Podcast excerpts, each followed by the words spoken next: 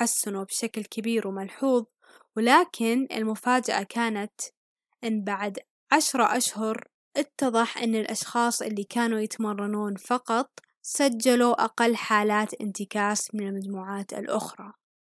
وتتلخص الدراسة في أن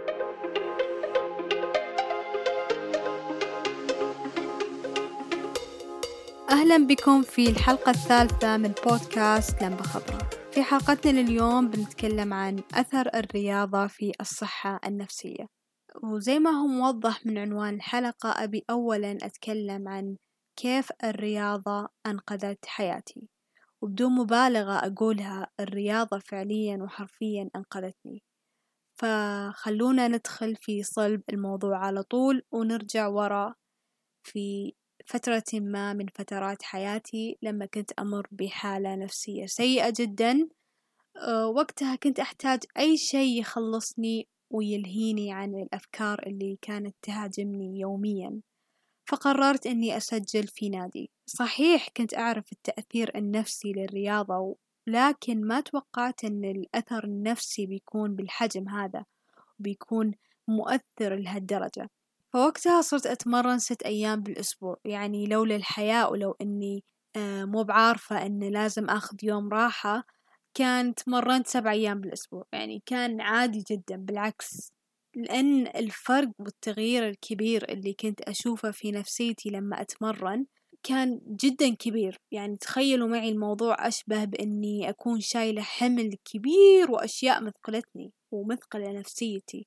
ولما أتمرن أحس إني قاعدة أشيل هالحمل عني. في نهاية التمرين يجيني إحساس إن الحمل هذا كله إنزاح تماما عني. يعني على هالشعور ما حد يلومني لو قررت أنام بالنادي. يعني حرفيا ما حد يلومني. فبس المشكلة هنا إن جسديا كنت قاعدة أرهق جسمي. وما كنت أعطي راحة أو استشفاء عضلي كافي. واللي بدوره بيأثر في صحتي وجسدي وقوتي بشكل عام. مع أنها وقتها يعني كنت عارفة أن هذا قاعد يضرني جسديا بس كل همي كان إني أحسن نفسيتي. طب خلونا نفهم وش كان يصير معي واللي صار مع كثير ناس غيري. وعشان نفهم الموضوع أكثر خلونا نحط عضلاتنا تحت المجهر ونشوف وش اللي يصير تحديدا لما نروح للنادي. فاللي يصير بالتحديد إن أنسجة عضلاتنا تتلف عشان ترجع تتشافى بشكل أقوى وهذا التلف بدوره يساهم في إفراز هرمون الأندروفين عشان يسكن الألم وللي ما يعرفون الأندروفين يندرج تحت الهرمونات اللي تسمى بهرمونات السعادة فمع تكرار هذه العملية ومع الوقت التمرين يتحول من تعب وجهد إلى صورة من صور الإدمان بسبب المسكنات اللي يفرزها جسمك بشكل طبيعي عشان يسكن ألم التمرين. وهنا البعض يصيرون حرفيا وفعليا مدمنين التمرين فيعيدون الكرة مرارا وتكرارا. في مراحل قد تصل إلى أن الشخص يتمرن تمارين حجمها مرة كبير وغير مناسب له اللي ممكن تأثر عليه سلبا بس عشان يحس بالألم وعشان يفرز هرمونات عشان يحس براحة وسعادة. فيعني أكيد مر عليكم أشخاص يقولون أنا ما أحس إني تمرنت إلا إذا حسيت بألم إلا إذا شديت على نفسي مرة أو يمكن أنتم كنتم هالأشخاص في يوم من الأيام. آه نفس الشي عندي بعض المتدربات يجون يقولون كوتش ما حسينا بألم. هل هذا يعني إن أنا قاعدة أسوي شي غلط في التمرين؟ آه كوتش زيدي تماريني لأن ما أحس بتعب بعد الجلسة. وإلى آخره. فالموضوع هنا يقلب نفسي أكثر من ما هو جسدي. فالشخص يبدأ يربط الألم والإفرازات الهرمونية بالتطور الجسدي. أو بأن جلسة التمرين كانت ممتازة وفعالة أو لا. وهذا الشيء غالبا ما هو بصحيح. فالجسم يحتاج فترات راحة يحتاج استشفاء عضلي آه، كثر حاجته للتمرين. والإسراف في التمرين آه، بيرهق جسمك. يعني ما هو بالضرورة مؤشر إلى أنكم تتمرنون بشكل صحيح.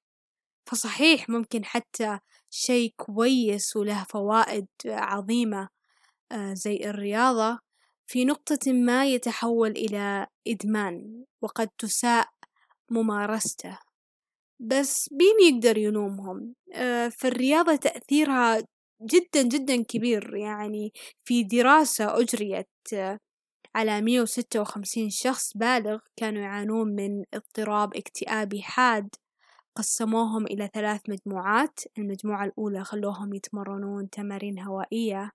أو كارديو فقط والمجموعة الأخرى أعطوهم تمارين ومضادات اكتئاب في نفس الوقت. والمجموعة الأخيرة أعطوهم فقط مضادات اكتئاب. وبعد أربع أشهر كل المجموعات تحسنوا بشكل كبير وملحوظ ولكن المفاجأة كانت أن بعد عشرة أشهر اتضح أن الأشخاص اللي كانوا يتمرنون فقط سجلوا أقل حالات انتكاس من المجموعات الأخرى. وتتلخص الدراسة في أن العلاج بالتمارين قد يكون ممكن وله فوائد علاجية كبيرة لا يستهان بها خاصة إذا التزم الشخص واستمر الشخص بدون انقطاع. وهنا تجي المعضلة.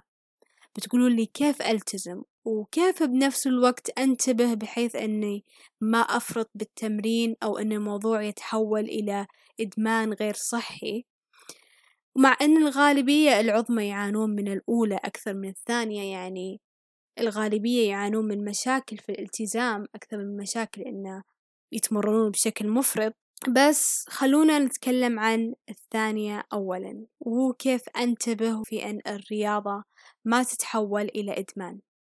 أولا تذكروا أن الرياضة صحيح تساعدكم وتحسن مزاجكم لكنها ما راح تحل مشاكلكم.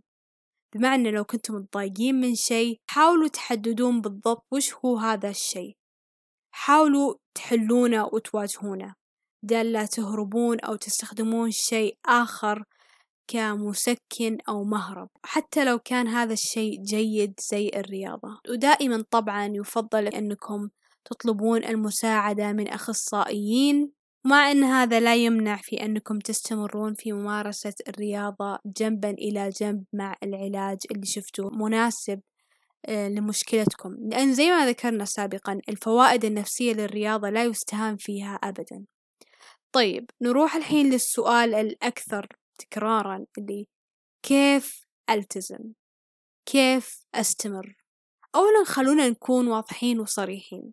صحتكم ما راح تتحسن سواء الجسدية أو النفسية وأنتم غير ملتزمين بالرياضة. فنظام يوم تتمرنون وعشرة لا ما يمشي. الموضوع يحتاج آه، سعي واستمرارية. طيب كيف نستمر؟ أو كيف يجينا الدافع؟ وهنا تكمن المشكلة. في كلمة دافع لأننا فاهمينها غلط. المفروض ما تنتظرون الدافع عشان تتمرنون وما تنتظرون تكونون في المود أو نفسيتكم تتحسن عشان تتمرنون. كل شي بيختلف لما تبدؤون تفكرون بالموضوع بالعكس. أنا بتمرن عشان أخلق لنفسي دافع. أنا بتمرن عشان نفسيتي تتحسن. أنا بتحرك عشان أنشط. مو العكس. يعني كيف تتوقع أنك تنسدح طوال اليوم وفجأة ينزل عليك الوحي إنه تنشط دورتك من نفسها؟ لا الموضوع ما يمشي بهالطريقة. تحرك عشان تنشط. أيضا من الأشياء اللي تساعدكم في الالتزام هي إنكم تختارون نوع رياضة تحبونها. CrossFit bodybuilding powerlifting أيا يكن. اختاروا شيء تستمتعون فيه عشان تقدرون تستمرون وتلتزمون. طيب في ناس بيقولون أنا ما أحب أتمرن يعني خير شر لا bodybuilding CrossFit ولا شيء. يعني فعلا أنا ما أحب الرياضة أبدا. في كثير ناس كذا. ففي طريقة أخرى قرأت عنها مؤخرا وهي أنكم تربطون شيء تحبونه بالرياضة. يعني مثلا لنفترض أنكم أشخاص تحبون تقرؤون كتب تمام؟ ابدأوا اربطوا الرياضة بالكتب. كيف؟ أه بالاستماع.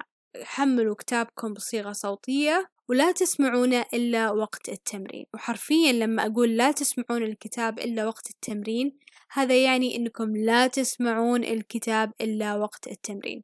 عشان تلقائيا وبشكل لا واعي بتلقون أنفسكم متحمسين لوقت التمرين لأنكم لا شعوريا ربطوه بشيء تحبونه. أيا يكن هذا الشيء أه كتاب صوتي أه سناك معين تحبون تأكلونه تربطونه بوقت التمرين يعني كمكافأة لكم يعني تقدرون تربطون أي شيء تحبونه بالرياضة وما تسوونه إلا وقت التمرين. أيضا من الطرق اللي تساعدكم تلتزمون هو أنكم تمارسون رياضتكم في بداية اليوم. وهالطريقة ترى تنفع تقريبا مع كل شيء في الحياة. أي شيء تبون تنجزونه خلال اليوم سووه أول شيء في اليوم. يعني نفسي حاليا قاعدة أسجل هالحلقة الصباح لأنها كان مفترض تنزل أمس بس اليوم قررت إنه خلاص ما في تسويف. لذلك جالسة أشتغل عليها أول شيء. أخيرا الرغبة. ما يهم لو تتبع مليون تكنيك مليون طريقة للالتزام وحتى لو تجيب لك جيم بالبيت حتى لو يصير عندك أكثر من مدرب شخصي. كل هذا ما راح يفرق وما راح يخدمك في شيء لو أنت ما عندك الرغبة في التغيير والالتزام. فاسأل نفسك أنا ليش أبي أمارس الرياضة؟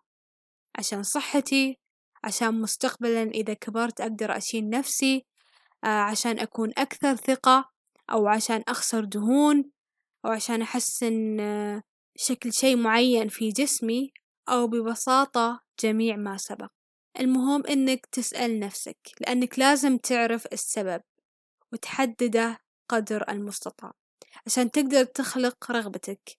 لأن الرغبة والحافز الداخلي من أثمن وأفضل الحوافز حتى لو كنتم مع أفضل المدربين. حتى لو اتبعتوا أفضل جدول ممكن تلقونه في الحياة. بس ما كان عندكم رغبة ولا حافز للتغيير فما راح تقدرون تلتزمون. ولا أي أحد راح يقدر يساعدكم إذا ما كان لكم أنتم شخصيا الرغبة في الالتزام والتغيير. وأعيد وأكرر أغلب هذه الأمور تنطبق على أغلب الأشياء والأهداف في حياتنا.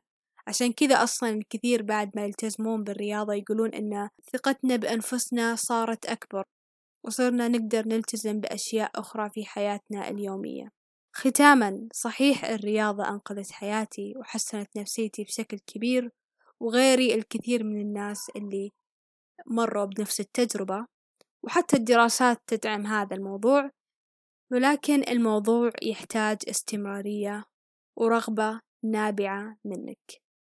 وأيضا مع الحذر في أننا ما نستخدم الرياضة كمهرب. أخيرا لا تنسون تشتركون في البودكاست عشان توصلكم الحلقات الجديدة وفضلا قيموا البودكاست لو أعجبكم لأن هذا بيساعدني أستمر. آه، سووا like و share مع اللي تعتقدون أن الحلقة بتفيدهم. وأيضا تقدرون تتابعون حسابات البودكاست في الإنستغرام وتويتر at لمبة خضرة at لمبة خضرة تقدرون تتابعوني شخصيا في الإنستغرام. أصنع محتوى عن الرياضة والتغذية والصحة بشكل عام. أستقبل طلبات التدريب الشخصي online at سافا coach. بحط لكم الروابط أسفل الحلقة. شكرا لاستماعكم وألقاكم.